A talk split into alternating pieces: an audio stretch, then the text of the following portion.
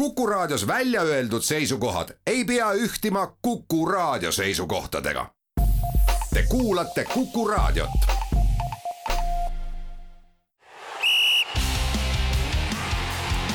vutikohus. vutikohtul aitab pinget kruvida Pahv tere tulemast kuulama Kuku raadio jalgpallisaadet Vutikohus, mis on eetris igal neljapäeval ning mida juhivad Ott Järvela jalgpalliportaalist sokkernet.ee ja Andres Vaher. meie saadet saab tavapäraselt järelkuulata Kuku raadio äpis ja podcastide keskkonnas, samuti iTunesis, Spotify's ja Postimehe spordiveebis. vutikohus võtab igal nädalal jutuks aktuaalsed jalgpalliteemad ning tähtsamad kohtumised algab vutikohtu saja kuuekümne kuues istung ning meie esimene päevakorrapunkt on, nagu meil on alati kombeks, eelmise nädala jooksul peetud tähtsamad jalgpallikohtumised ja nende kokkuvõte. kinnitame kuulajale, et Eesti jalgpallis viimase nädala jooksul väga suurt tähelepanu pälvinud teema juurde, mis puudutab siis ekskoondislaste ja praeguste koondislaste õhtusööki Valeri Karpiniga, tuleme saate teises osas. aga alustame möödunud nädala jooksul peetud kohtumistest ja alustame eilsest õhtust ning kuna Premier League'ist on siin eelmistel nädalatel juba omajagu juttu olnud, aga pakub meile jalgpallikalender võimalus alustada oma jutte Itaaliast, sellepärast et seeria A naasis samuti äh, talve suvepuhkuselt või jõulupuhkuselt ning naasis väga tähtsa ja oodatud kohtumisega, kus vastamisi olid Milano Inter ja Napoli ning tulemuseks Napoli selle hooaja esimene kaotus. Ja sellega on nüüd siis kõigis tippliigades äh, sellist meeskonda enam ei ole, kes, kes kaotuse valu äh, tundnud, tundnud pole. Napolile siis kuueteistkümnendas mängus lõpuks esimene kaotus. Inter kodus üks-null selle mängu võitis ja, ja see tulemus muutis Serie A tabeliseisu äh, märksa põnevamaks kui, kui sinnamaani Napoli edestab äh, AC Milani viie, äh, Torino Juventust, kes on ka väga hea hoo sisse saanud, seitsme ja Interit kaheksa punktiga. Kui meil on jalgpallis olnud viimase paari aasta jooksul ikkagi üha enam ja sagedamini juttu sellest, kuidas vanameistrid äh, ikka jätkuvalt suudavad särada ja ega maailmameistrivõistluste finaalturniirgi ju äh, selle vastu midagi öelnud, kui Lionel Messi kolmekümne viiesena tuli maailmameistriks, Olivier Giroud kolmekümne ka viiesena vist on, oli Prantsusmaa esiründaja ning Luka Modric kolmekümne seitsmesena vedas Horvaatia koondise pronksmedalini, siis selles eilses Inter-Napoli mängus äh, kohtumise ainsa värava lõi kolmekümne kuue aastane Edin Dzeko nii oli jah, äh, Edin Dzeko siis seekord moodustas ähm, Interi ründepaari Romelu Lukakuga, kes on ka vigastusest ähm, paranenud ja algkoosseisu kuulus, tõsi küll, tema mäng just kõige säravam ei olnud, aga aga väga ilusa värava teise poole ja suhteliselt alguses äh, Inter lõi ja oli tegemist sellise, no ma ütleks sellise Itaalia tippklubi, Itaalia tippklubidele omase väga äh, taktikalise, aga väga hea kõrge klassiga kohtumisega, kus oli siis nii igasuguseid selliseid olu-, huvitavaid nüansse kui ka, kui ka mm, siis eh, noh, sellist individuaalset meisterlikkust ja, ja, ja, ja, ja põnevust ja et see mäng just sellisena lõppes, ma arvan, erapooletule vaatajale eh, on see, kuigi noh, Napoli on, on ju pälvinud eh, väga paljude äh, inimeste sümpaatia kui uus, uus tulija sinna seeria tabeli tippu, aga lihtsalt need, kes ihkavad põnevust, nendele see tulemus kindlasti meeldis kas Inter on nüüd ka tiitlivõitluses sees, nende mahajäämus Napolist kaheksa punkti, nende kahe meeskonna vahele mahuvad veel Juventus, kellel, kes kaotab äh, Napolile seitsmega ja Milan, kes kaotab Napolile viiega. Milan ja Juventus eile mõlemad võitsid. ja kindlasti need kõik neli klubi seal tiitlivõitluses sees ongi mängitud Ita. Itaalias on ju liiga kahekümne liikmeline, kuusteist vooru mängitud ehk et esimene ringki pole veel läbi. loomulikult kõigil neil on võimalused ja Interi puhul tundub, et see asi hakkab järjest paremini tööle saama, meenutame siis üle ju, et meistrite liigas tehti väga hea alagrupiturniir, edestati FC Barcelonat äh, ja, ja ollakse nüüd siis esimeses väljakukkumismängu ringis vastamisi FC Portoga, kui ma nüüd ei eksi või eksin. Äh, peast igaks juhuks ei ütle. jah, aga igatahes neil väga tugevat vastast ei olnud, seda, seda ma mäletan kindlasti. nii et, et, et Interit ja samamoodi ka nagu sai mainitud Juventust, kes on võitnud nüüd terve rea mänge järjest, seitse või kaheksa oli see number, et sellised, äh, sellised tipptegijad, kes on ju valitsenud äh, koos, noh, koos Milaniga nüüd viimastel aastatel Itaalia jalgpalli, ma arvan, et väga põnevaks läheb see seeria tiitliheitlus Äh, jah, Portoga Inter vastamisi on meistrite liigas. Äh, olgu öeldud, meistrite liigas näiteks Pariis Saint-Germaini ootab mäng Müncheni Bayerniga, aga Pariis Saint-Germaini võtan ma jutuks põhjusel, et kui Napoli edu AC Milani ees äh, Itaalia meistrivõistluste tipus on viis punkti, siis Pariis Saint-Germaini edu Lansi meeskonna ees Prantsusmaa meistrivõistluste tipus on ainult neli punkti. seda põhjusel, et uue aasta esimesel päeval olid meeskonnad omavahel Lansis vastamisi ning äh, Äh, staadionil, kus mul õnnestus kahe tuhande kuueteistkümnenda aasta Euroopa meistrivõistlustel kajastada Albaania ja Šveitsi vahelist kohtumist. väga äge staadion on Lansis, linn, mis on ise tegelikult äh, väiksem kui see staadioni mahutavus, kui ma ei eksi, peaks see selline seis olema. Äh, Põhja-Prantsusmaal alistas Lans BSG kolm-üks ning see tähendab, et BSG, see oli ka BSG jaoks selle hooaja esimene kaotus Prantsusmaa kõrgliigas. Ähm, ja nende maha, nende edu Lansi ees ongi nüüd ainult neli punkti, sest ka Lansil seitsmeteistkümnest mängust ainult üks üks kaotus. ja noh, ka see tulemus tegi kahtlemata seisu põnevamaks, aga lihtsalt kahjuks me elame sellises olukorras, kus, kus lihtsalt Pariis Saint-Germain on niivõrd võimas, et noh, selle pealt arvata, et veel põnevaks läheb, no umbes midagi sarnast nagu Saksamaal Müncheni Bayern, ma julgeks öelda, sellise võrdluse tõmmata, et et no seda, no see on, peab olema mingisugune paduoptimist, et, et aga üksikuna selline tulemus kahtlemata ja selline mäng, Lance mängis Pariis Saint-Germaini vastu väga julgelt, agressiivselt, kõrge pressinguga ja sellega, sellega neid lõi ja, ja kui vaadata seda Lance'i, siis seitsmeteistkümne mänguga on endale lastud lüüa üksteist väravat nii et, ähm, et võimas hooaja algus äh, neilt. no olgu öeldud, BSG-l ei olnud Lionel Messit, kes jõudis klubi juurde tagasi alles eile. Äh, teda tervitati treeningkeskuses sellise vägeva spaleeriga. pärast MM-puhkust Mbappe mängis, aga ka Neimar ei olnud, sest Neimaril oli võistluskeeld seoses äh, punase kaardiga. nii et jah, et sellest staartriumviraadist kaks liiget oli puudu. mis ütlesid, Bayern, ma pakun, et Bayerni tiitlist ilmajäämise šanss on igal juhul suurem kui BSG oma. ja no on siiski, aga lihtsalt niisugune paralleel, et mm.. mõlemad, mõlemad on väga võimsad. just, jah. Nii, ja äh, räägime kaks sõna kiiresti ka Šotimaa meistrivõistlustel toimunust, sellepärast et teisel jaanuaril olid seal vastamisi Glasgow suurklubid Rangers ja Celtic. Vastamisi läksid ning tegid omavahel kaks-kaks viigi, mis sobib ilmselgelt rohkem äh, Celticule, kes kaheksakümne kaheksandal minutil Kyogo Furuhashi väravast selle kaks-kaks viigi kätte sai, kuna nende Äh, üheksapunktiline edu Rangersi ees ikkagi säilis ja no Šotimaa meistrivõistluste iseloom on, et äh, kahe tipu omavaheliste kohtumiste mõju meistrivõistluste lõpptulemusele on väga suur, äh, sest et mujale nad kaotavad punkte pigem vähe ja see tähendab, et Celticu jaoks see või see viik oli võidu maitsega. ja no kahtlemata, eriti arvestades, et see viigivärav löödi üsna mängu lõpus, et mäng toimus, toimus Rangersi koduväljakul, nii et siin ei ole siin ei ole üldse mitte mingit muud küsimustki, nii et äh, Celtic sammub järjekordse meistritiitli suunas, võib siin öelda. nii, aga nüüd liigume ka juttudega Inglismaale ja alustame vast ikkagi möödunud nädala kesksest ja kõige oodatumast kohtumisest. Äh, see mängiti teisipäeva õhtul, kui Londonis läksid vastamisi Arsenal ja Newcastle United, liigatabeli esimene ja kolmas meeskond ning nägi väga tulist jalgpallimängu, kus väravaid ei löödud ja oli selline mäng, mida Arsenal valitses äh, üldiselt, äh, kuigi mitte tervet mängu, et, äh, et valitses kõvasti mängu algust ja lõppu. aga, aga Newcastle valis noh, kindlasti teadlikult sellise taktika, nagu Arsenali vastu mängida tuleb, ruumi, ruumi anda ei tohi tuleb aega veeta, mida nad tegid väga meisterlikult Arsenali fännide vaates kindlasti väga äh, nõmedalt ja, ja tüütult, aga meisterlikult äh, kogu.... ma ütleksin niimoodi, et ebasportlikult, aga professionaalselt. jah, et, et kohati tuli natuke meelde selline, kui ma seda mängu vaatasin, selline Madridi Atletico. to,. Tony Puliisi aegne Stoke'i taktika, et, et, et hästi kompaktne, hästi kompaktne standard, rõhud standardolukordadele, rõhud standardolukordadele ja ega väga palju ei puudunudki, et, et Newcastle oleks sealt ühest, ühest ära löönud. Ja, ja aga lihtsalt nende mängijate individuaalne meisterlikkus lihtsalt Stoke'i mängijatest on niivõrd palju kõrgem, et see ei olnud mingi sihuke tohutu, tohutu kannatamine.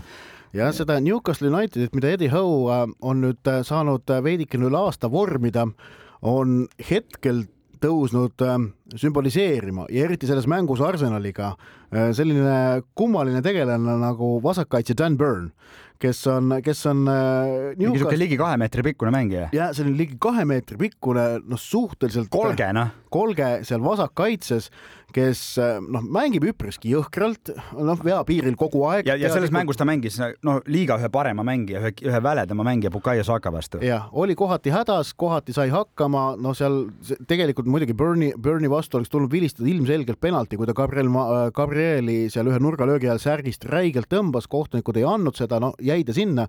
kokkuvõttes tänu Burnile see null-null viik kätte saadi, aga tema see kirg, tahe, jõulisus, see ilmselgelt äh, Äh, inspireerib ülejäänud meeskonda, annab meeskonnale sellise mõnusa toetuspunkti ja äh, no, sedapuhku mängiti küll äh, Arsenali kodustaadionil, aga eriti Newcastli enda kodustaadionil, noh, Burn on üks sellise publiku lemmikuid ju ilmselgelt. Ja, ja oli ka selles mängus näha, et kui tema seal mingid õnnestumised väljakul olid, siis see Newcastle Unitedi fännisektor, kes seal ühe nurgalipu taga vägagi intensiivselt möllas ja sageli endal ka ülakehad paljaks kiskus seal, et, et, et ka sellel, sellel sektorile need hetked pakkusid väga suurt rõõmu.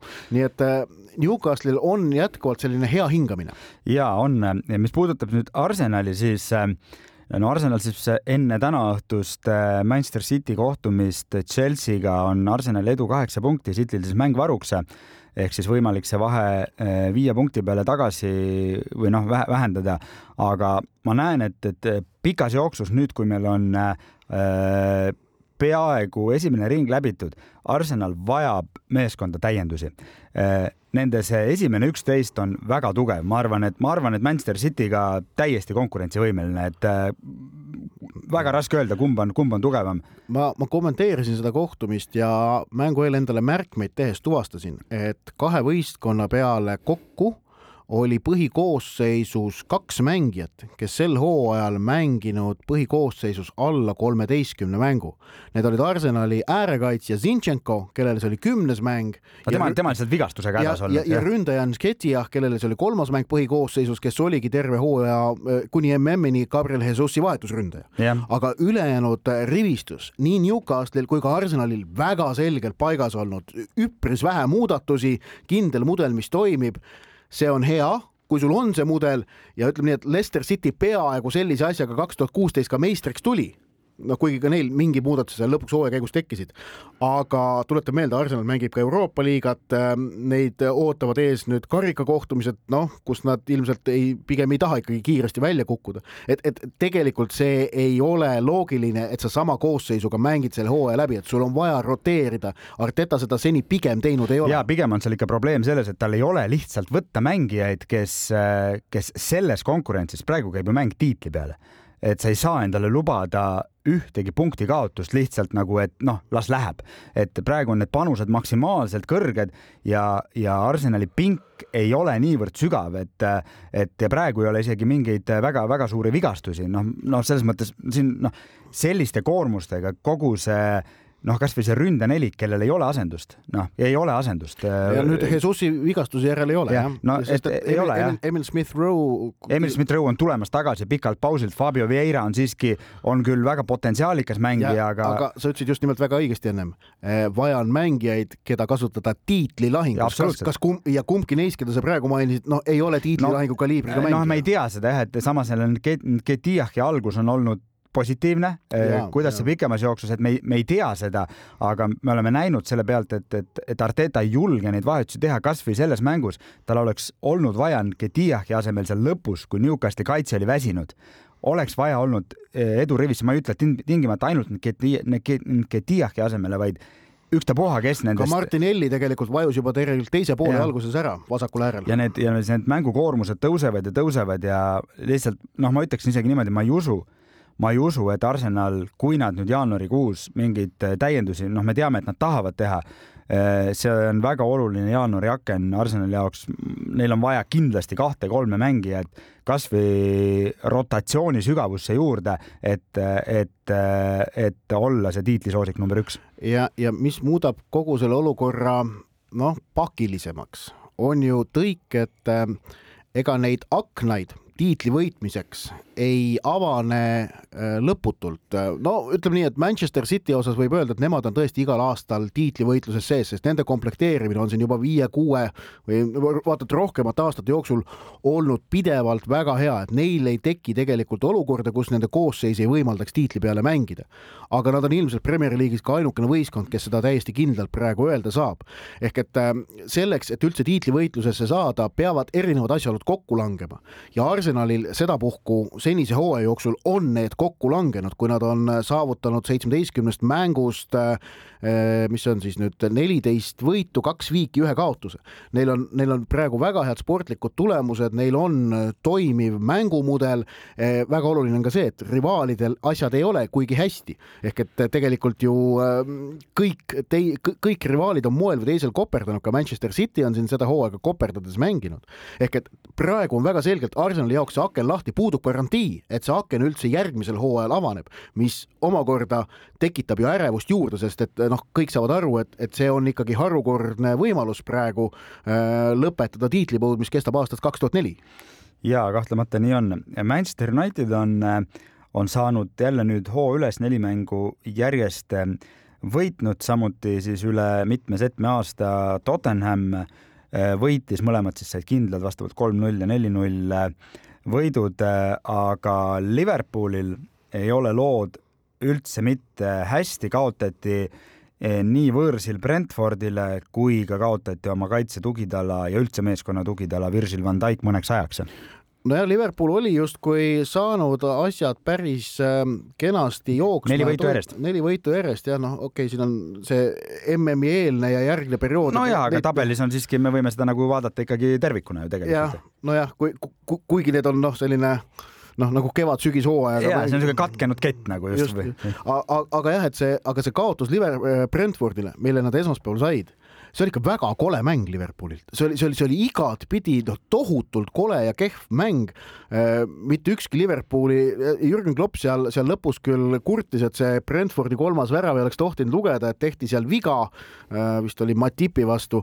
aga no ütleme, see, see ei olnud ju põhjus, miks Liverpool kaotas, vaid Liverpool kaotas sellepärast, et nad mängisid jõuetult igas väljaku otsas ning Brentford võitis selle mängu täiesti teenitult, mis on muidugi väga suur kompliment äh, Toomas Franki tööle Brentfordis ja, ja Brentford ja Fulham, Londoni väikeklubid teevadki väga head hooaega mõlemad, mõlemad on ju esikümnes praegu tabelis Chelsea'st eespool enne tänast õhtut.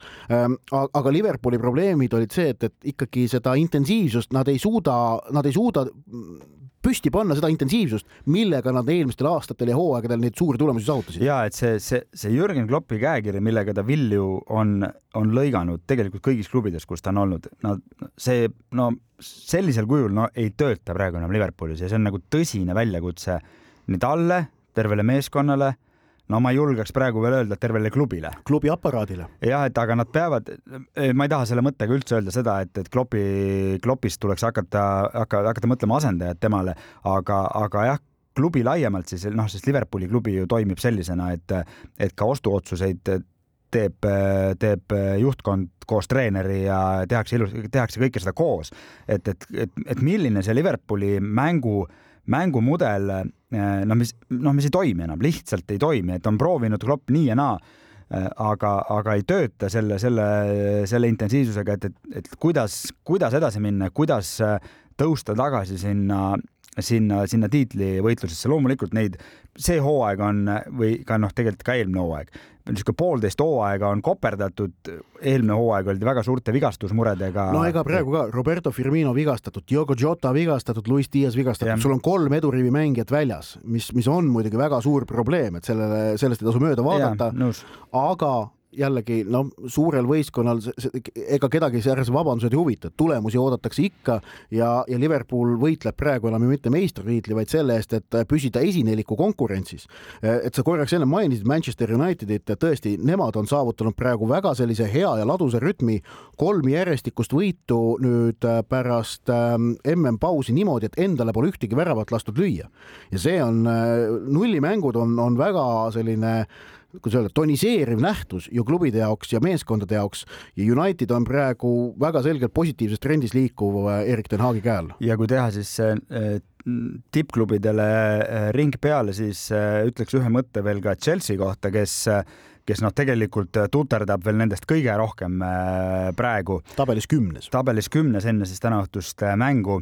aga mis mulle Chelsea juures meeldib, siis väliste märkide järgi on nad kannatlikud, noh, see, see muidugi, mida, mida, mida kluus, klubi uus omanik mingil suvalisel hetkel teha võib, seda me keegi ei tea, aga ilmselgelt on praegu panustatud sellesse, et klubisse ostetakse hästi palju äh, noori mängijaid, selliseid kaheksateist kuni kahekümne aastaseid mängijaid, kes valdavalt ei ole üldse veel esindusmeeskonnas või pääsevad sinna äh, hetketi ja, ja just nagu maailmas noh, säravamaid talente tuuakse kokku, et huvitav on jälgida, kuhu see projekt eh, omadega jõuab. no aga see on ju USA profispordis päris tavaline taktika ja tuletan meelde, et Ted Burley on ju noh, ameeriklane, tema on säär, sealse spordi kultuuriruumiga harjunud, sealsete tavadega, kus äh, äh nõnda öelda noh, USA-s ei ole on ju klubid, on franchise'id või, või sellised noh, tegelikult noh, siis spordiettevõtted on, on seal klubi, mis võib iga hetk teise linna kolida, aga nad on harjunud äh, tegema te,, tegutsema pika plaaniga ehk et äh,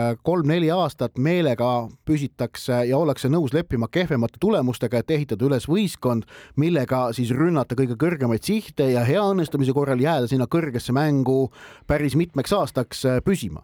et, et säärane taktika Chelsea puhul jah, ei ole üllatav, kuigi selle Ameerika omanikumudeli varjupooled on praegu Inglismaal pälvimas inglaste poolt üha enam tähelepanu ja ka kriitikat ning ollakse, ollakse mures veidikene, mida tähendab Ameerika omanike üha suurem pealetung Inglismaa jalgpallile. nojah, see on laiem teema, aga lihtsalt konkreetselt see mudel, mida, mida Burnley tundub praegu Chelsea's juurutavat, mulle vähemalt tundub sümpaatne, sellel on idee selge mõte ja, ja lihtsalt kuidas see tippjalgpalli, kuidas see tippjalgpallis töötab, seda me ei tea, aga seda on huvitav jälgida.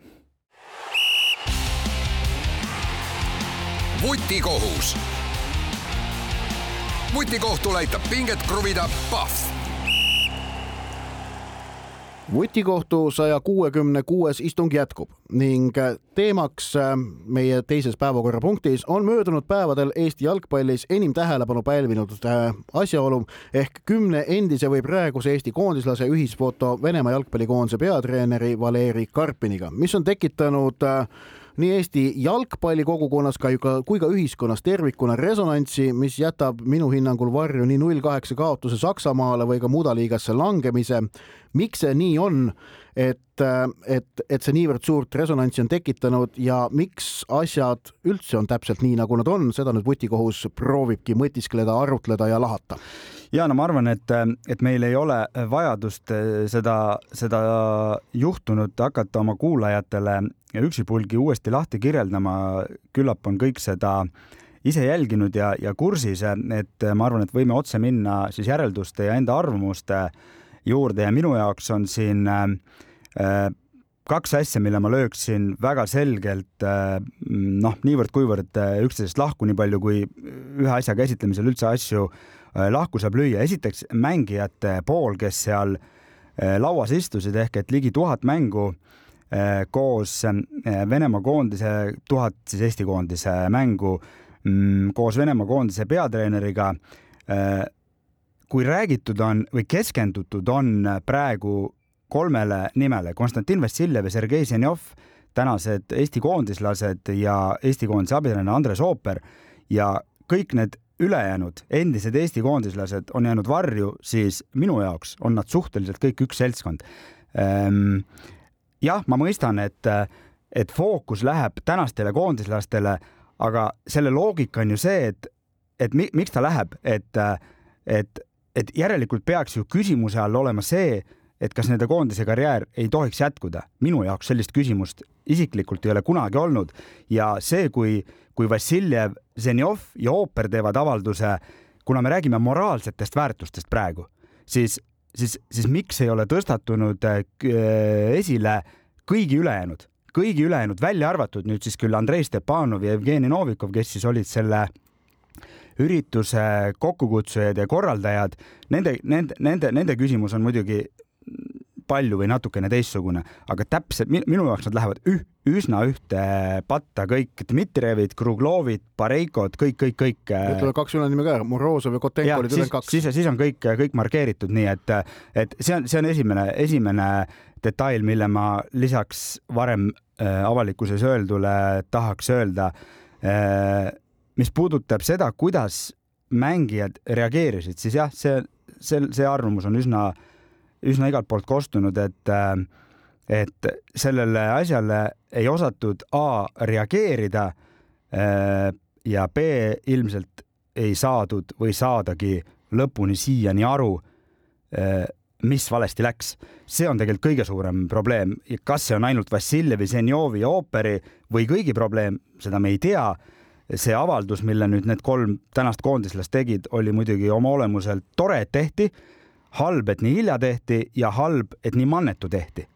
Ikka ütleme, see pahameel, mida see kolmapäevane avaldus ja selle täpne sõnastus äh, äh, tekitas, oli päris äh, oli päris arvestatav ja ikkagi erakordne selles mõttes, et, et harva kohtab vabandust, mis tekitab sedavõrd suurt pahameelt. nojah, see oli tehtud lihtsalt, et me peame midagi ütlema, me siis ütleme, aga ega me tegelikult ei taha või ei oska midagi öelda ja kui lisada siia juurde veel siis Konstantin Vassiljevi äh, eileõhtune intervjuu ETV-le. just, äh, ETV-le, kust ma siis nüüd, äh, kus ma nüüd siis tsiteerin minu jaoks seda kõige puudutavamat kohta.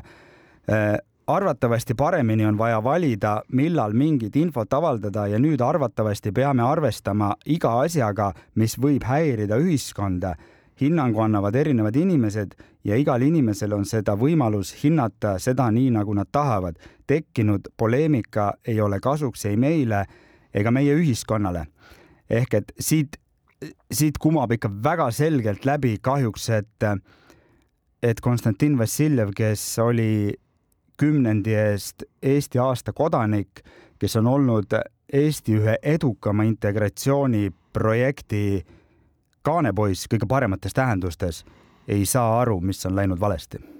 Ja no näiteks Toomas Vara tõi väga hästi välja, milline oleks võinud olla see vabandus, ma, ma võtan vabaduse Toomas Vara Facebooki seina tsiteerida. tema ettepanek, et milline see vabanduskiri oleks pidanud olema, et olla tegelikult mõjus ja toimida lugupeetud jalgpallisõbrad, meil on kahju tekkinud olukorra pärast ja vabandame kõikide ees. kohtuda Venemaa jalgpallikoondise peatreeneriga ajal, mil seesama Venemaa tapab sõjas Ukraina vastu tsiviilelanikke, sealhulgas naisi ja lapsi, oli meie poolt suur rumalus, millele pole mitte mingisugust õigustust. Putin on kurjategija, Venemaa sõda Ukraina vastu on kuritegu. vot sellist selget sõnumit oleks vaja olnud, aga tuli tegelikult sõnum, et me oleme sõja vastu samas. no ja mida see tähendab? ja mida see tähendab, et, et tähendab, noh, ma, ma küll selle vastu ei ole, et Ukraina sõdib praegu sest et kui Ukraina no, sõdiks. kaitseb, kaitseb ennast. jah, nad peaksid alla andma, kui nad või, või, või, või jah, kui nad ei sõdiks. et, et see, see, see, see ebamäärasus tekitas äh, tekitas äh, pahameelt. Ja kokkuvõttes, mis on selle tagajärg nüüd Eesti jalgpallile? Ja, ja noh, ma, ma, eks näis, kas ka Eesti ühiskonnal, ma arvan, et ka Eesti ühiskonnal, sellepärast et eks jalgpall Eestis ei ole küll tingimata niivõrd suur osa ühiskonnast, kui ta on mitmel muu pool mujal Euroopas, aga ta ikkagi on selgelt tunnetatav osa ühiskonnast. E, et, et see tekitab tegelikult ebakindlust. See tekitab ebakindlust ma usun ja ma, ma kardan, et äh, vaata, et igal pool, äh, sealhulgas ka Eesti jalgpallimeeskonna sees. Äh, ma ei, mängijad ei ole robotid, nad ei, nad ei ela mingisuguses hermeetilises mullis, kus nad ei näe ega kuule ega tunne, vaid nad ju räägivad oma lähedastega, äh, igal mängijal on oma isiklik äh, ajalooline tunnetus, on rahvustunnetus, on, on erinevad tunnetused, mille põhjal üleüldse persooniks kujunetakse. ning need kõik hakkavad praeguses olukorras ja koondise kahe juhtmängija, kelleks Vassiljev Zenjov kahtlemata on, äh, poolt välja antud signaalide juures mängima ja mõjuma. Kuidas täpselt, seda on muidugi võimatu prognoosida, aga mingi mõju sellel kõigel on. Äh, kusjuures jah, ma möönan, võib olla ka mõju, spordis on näiteid, kus äh, keerulised ja halvad asjad pööratakse sportlikuks eduks. Aga ausalt öelda selles olukorras on, on mul keeruline näha, kuidas see asi võiks juhtuda ja, ja siis teine, praegu me rääkisime sellest, mis puudutab siis konkreetselt neid inimesi, kes ja nende käitumisi, tegevusi või mittetegevusi, kes seal, mm, kes seal laua taga istusid, aga, aga siis nüüd teine pool. ma, ma, ma ennem selle esimese poole kohta veel ütlen, et äh, kuidas kurat see kõik Toomas Häberlile ära selgitatakse? see on, see on, kui mitte võimatu, siis noh, äärmiselt keeruline, sest ta lihtsalt ei taju seda, ta, ta, ta, ta, ta, tuleb teisest, noh, teisest kultuuriruumist ja ehkki ta on loomulikult väga intelligentne inimene ja kindlasti ka ajalooga kursis, siis seda, seda peab tunnetama iga oma ihu, ihukarvaga lihtsalt. ja mäletame kunagi Magnus eelmisel äh, Äh, välismaalasel, kes Eesti koondise treener oli, tegelikult äh, just säärased tunnetusküsimused talle lõpuks saatuslikuks said. Ta, ta, ta, ta ei suutnud äh, Eesti kohalikke olusid lõpuni tunnetada. Häberli on selles vallas seni olnud oluliselt parem, see on nagu, see on nagu näha olnud, aga tõesti, ta, tal on vaja sellest asjast ju selge sott saada, muidu tal on oma, oma tööd väga keeruline teha. Veel... see, see on nüüd, see on see, kuidas Eesti Jalgpalliliidu töötajad suudavad praegu peatreenerit toetada ja tema abitreenerit. ja eriti siin on nagu oluline, väga oluline see, et, et Konstantin Vassiljev on, on Toomas Häberli jaoks no absoluutne A ja O mängija. väga suur usaldus. isegi no ikka nagu noh, selge mängija number üks, tähendab mitte, ta on noh, ta on meeskonna liider tema jaoks, võib-olla isegi suurem liider kui, kui me keegi oskame aru saada, hoolimata oma vanusest ja kõigest.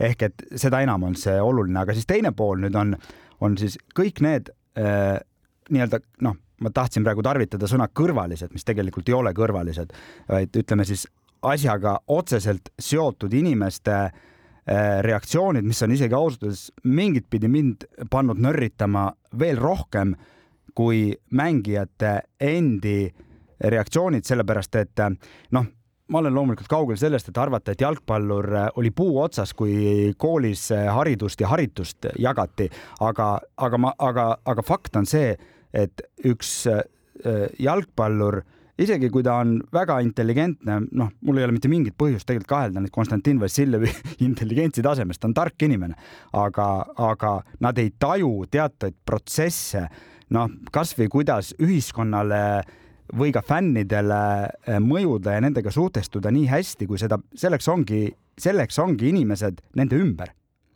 ehk et eh, ehk siis. ja spordis on nendeks inimesteks spordiametnikud. jalgpall, ehk siis antud juhul eh, alaliit ja klubi on siis need võrgud, mis peavad selliseid protsesse noh, kui on vaja, nagu antud juhul ju olukord on väga keeruline, et mida sa teed et kui, kui me paneme ennast olukorda, on välja pakutud igasuguseid lahendusi alates koondisest väljaviskamisest eh, ja ma ei tea, millest veel, et noh, tegelikult ideaalset lahendust, mida saaks teha alaliit või klubi, no ei ole olemas, ei ja, ole see, olemas. seda olukorda praegu ära ei remondi. seda isegi ütleme eh, hetkel, kui see välja tuli, hea küll, kindlasti kõige parem lahendus oleks olnud kiire ja hea vabandus, kõik oleks korras olnud.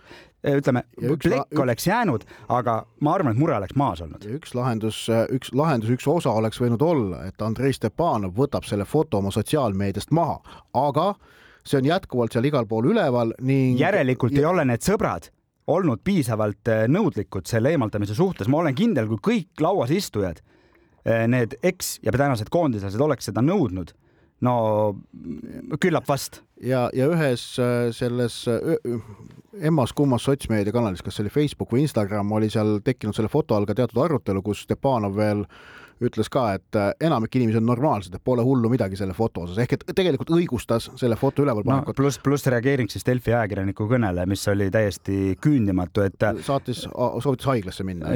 no aga, aga tähendab, ma, ma olen seda öelnud äh, spordireporteri saates ja ka Sokkeriti taskuhäälingus, aga, aga ma tahan veel, ütlen siin eetris ka ära, et, et ma olen väga kindlal veendumusel, et Stepanovi ja Novikovi jaoks oli tegemist äriprojekti ühe osaga ehk et neil kelle, nende töö seisneb jalgpallurite vahenduses, nad on jalgpalliagendid ja nende peamine turg on Venemaa.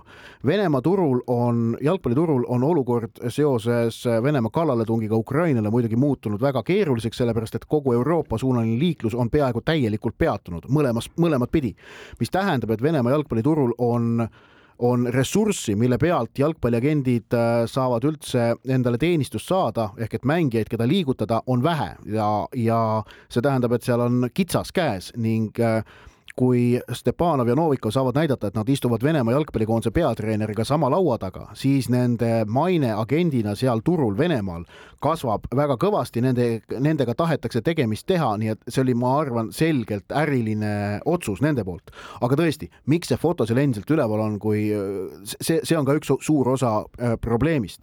ja mis puudutab tõesti Eesti jalgpalliametnike reaktsiooni, siis siis äh, siin, siin on, on, on Aivar Pohlaku sellist sõnavõttu, kus ta ütles, et, et ei saa ju midagi hukka mõista. no ma, ma, ma arvan, et see väärib, ma arvan, et see Aivar Pohlaku tsitaat, see võtab meil saatest kolmkümmend sekundit, ma, ma loen selle, ma loen selle ette olukord Ukrainas on katastroof, mille peavad lahendama eelkõige poliitikud. inimeste tasandil on meie kohus lisaks kaastundele ning kannatavate abistamisele mõelda ka sellele, et mitte kaotada olulisi inimõigusi, mille hulka kuulub ka õigus tunda teistmoodi mõtlevaid inimesi ja õigus kohtuda nendega.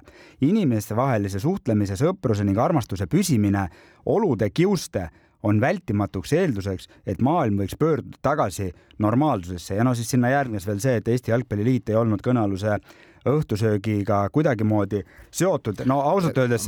ja see, et Eesti Jalgpalliliit eh, tahab igasugust seotust selle asjaga äh, maha äh, salata või, või on näha muuseas ka alaliidu kodulehekülje peal, kus seda eilset koondislaste vabandust ei ole äh, avaldatud nojah, et see on justkui nagu mängijate eraasi, et lihtsalt eh, nad vahend... see on Eesti jalgpalli asi, see ja... ei ole kellegi eraasi, see on ammu saanud terve Eesti jalgpalli asjaks. ja et see, ma ütleks ausalt, noh ja, ja siis eh, mm, Aivar Pohlaku poeg Pelle FC Flora presidendi mm, reageering noh, et siis Vassiljev ja Zenjov on teatavasti Flora juhtmängijad oli küll natukene leebem, napisõnalisem, aga, aga tonaalsusest, tonaalsuselt isaga sama. Ähm, need on asjad, mis mind kõige rohkem selles asjas häirivad. kui me paneme siia juurde Aivar Pohlaku äh, hoiakud äh, MM-i ja Katariga seotud küsimustes äh, viimasest ajast, siis äh, siin on tegemist justkui paralleelmaailmas elamisega ja, ja, ja nüüd on, ma ei, ma ei tea, kuidas ja mismoodi, aga kas ja kuidas äh, Eesti jalgpalli avalikkus saab äh, ma olen nõus äh, endise hea kolleegi Märt Roosnaga, kes, äh, kes kirjutas eile, et, äh, et alaliidu president on vaja tagasi meie hulka kutsuda.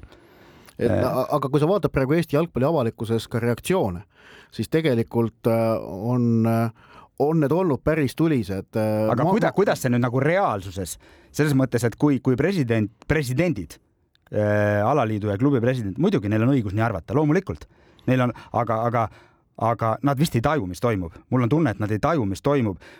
kui me lisame siia, no see muidugi, see muidugi detail ja ma ei ütle, et väga oluline detail, aga, aga FC Flora peatreener Jürgen Henn öö, öö, ühes Facebooki postituses või küsitluses öö, avaldas oma nimega arvamust, et või oma näoga õigemini, et Konstantin Vassiljev ei peaks olema äh, Eesti koondise kapten.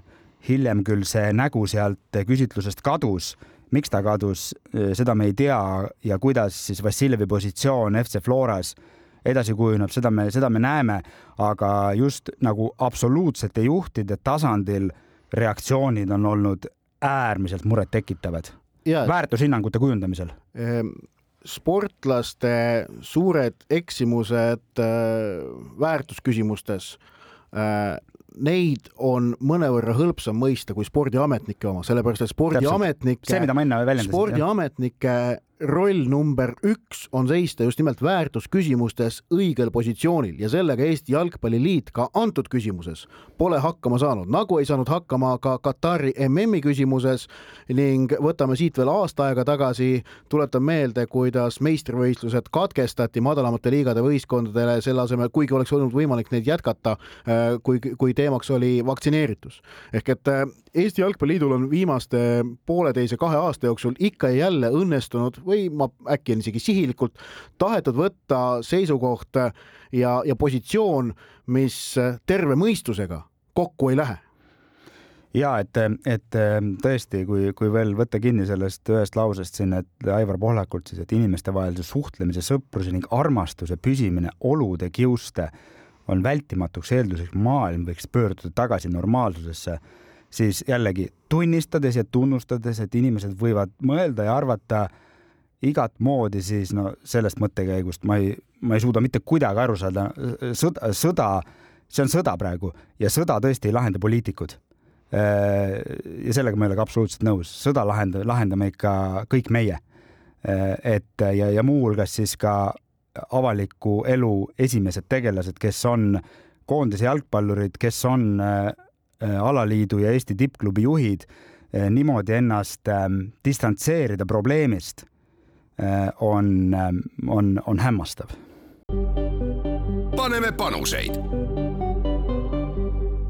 vutikohtu saja kuuekümne kuues istung jätkub ja läheneme lõpusirgele kolmas veerandaeg käsitleb siis tavapäraselt pahv.ee pakutavaid jalgpallikoefitsiente ja püsime siis tavapäraselt või noh, mitte tava, ütlesin tavapäraselt, aga, aga pärast siis MM-i oleme tagasi klubi mängude rindel ka siin. ja eeloleval nädalavahetusel mängitakse minu üks suur lemmik asi üldse, see on Inglismaa jalgpalli karikavõistluste kolmas ring ehk kolmekümne, üks kolmekümne kahendikfinaalid, kui konkurentsis on kuuskümmend neli klubi, seal alustavad võistlust kõrgliiga ja esiliiga klubid. mul on õnnestunud korra käia Inglismaa jalgpallikarika kolmandat ringi kohapeal vaatamas seal erinevaid mänge ja ma ütlen, et see on võrratu elamus, kus sul üle riigi äh, toimuvad äh, sellised festival. no festival käib tõepoolest äh,, rongijaamades erinevad fännid liiguvad igale poole ja, ja kõigil on väga suur õhin, sest kohtutakse vastastega sageli, kellega muidu vastamisi ei minda, kuna tegemist on noh, karikavõistlustega, kus erinevate liigade satsid vastamisi on. nii et minu kõik kolm pakkumist tulevad Inglismaa karikast ja kõik on parasjagu pöörased. esiteks An, anna tulla. Killingham mängib Lesteriga. pakkumine, et Lester seda mängu normaalajal ei võida, on neli koma viis pane kõik kolm ära. teiseks Tottenham kodus Portsmouthiga, et Tottenham normaalajal ei võida, viis koma kaheksa. kolmandaks Liverpool kodus Wolvesiga, et Liverpool normaalajal ei võida, kolm koma kaks. ja no üldiselt ma ei hakka eristama üht teisest ega kolmandast. Inglismaa karikasari on võistlus, kus juhtub palju üllatusi erinevatel põhjustel. küsimus on see, kas ma lihtsalt mõnele pihta saan? jah, kas sa said praegu noh, ütleme, et kui sa oled vähemalt ühele pihta saanud, oled sa plussis, nii et, et kokkuvõttes hindame komplekti heaks. nii, sinul? minul on siis sellest samast karikasarjast on üks kohtumine valikusse langenud homne õhtune mäng on see ikka karikakohtumine, vabandust, ma nüüd vaatan üle. Manchester United ja Everton või on see siiski liiga kohtumine, nad olid vastamisi siin. see peaks ikka ja karikamäng. karikamäng jah, siis ehk siis Premier League'i klubide omavaheline kohtumine ja siin ma, siin ma väga üllatuse rada ei lähe, et Manchester United võidab selle mängu ja võidab nulliga, koefitsient kaks koma kuus see on hea, sest et Everton on kehv ja United on hea. ja, ja ülejäänud kaks mängu on mul siis Premier League'i, ei ole Premier League'ist, on Inglise liigast ja äh, Hispaania liigast. täna õhtul kohe pärast meie saate lõppu siis juba nagu eelnevalt mainitud Chelsea ja Manchester City põnevuskohtumine ja siin on minu pakkumine selline, et Manchester City võidab selles mängus nii poolaja kui mängu koefitsiendiga kaks koma seitsekümmend viis jaa, okei okay,, nii. ja lõpetuseks siis laupäevast äh, Hispaania La Ligas äh, oluline ja usutavasti ka põnev mäng Villareal ja Madridi Real ja siin lööb Karim Benzema värava koefitsiendiga kaks koma kaks. no sellele ka vastu pigem ei vaidle. paneme panuseid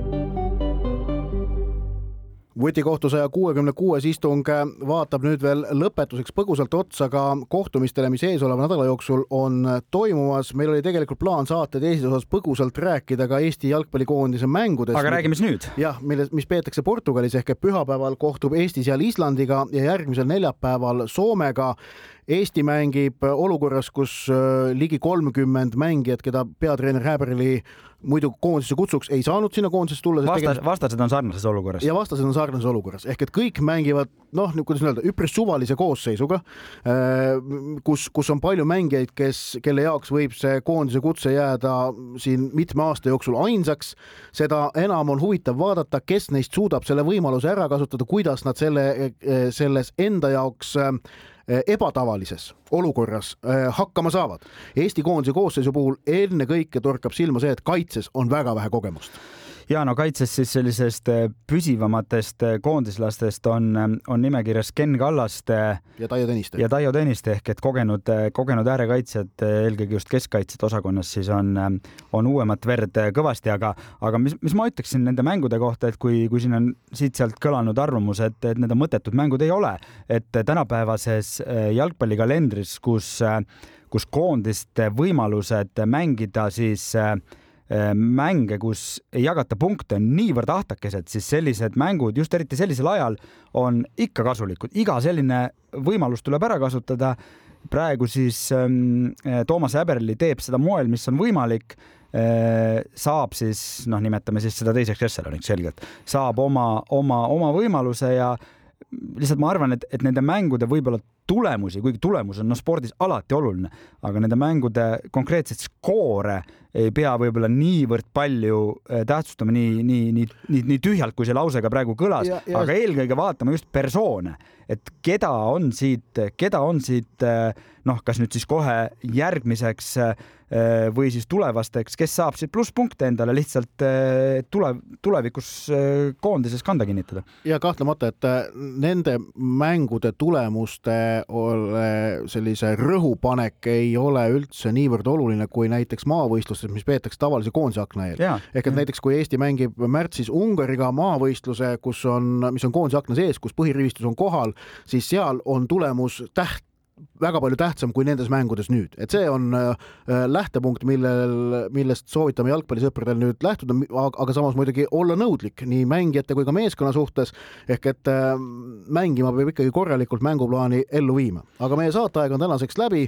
klubi jalgpallis mängitakse ka elu nädala jooksul palju kohtumisi, vaadake ka neid. Äh, täname kuulamast vutikohtu saja kuuekümne kuuendat istungit, saatejuhid olid Ott Järvela jalgpalliportaalist sokker.net.ee ja Andres Vaher. oleme uuesti eetris järgmisel neljapäeval ikka kell kakskümmend kakskümmend üks. meie saadet saab järelkuulata tavapäraselt Kuku raadio äpis ja podcastide keskkonnas, samuti iTunesis, Spotify's ja Postimehe spordiveebis. Kuulmiseni. vutikohus. vutikohtul aitab pinget kruvida Pahv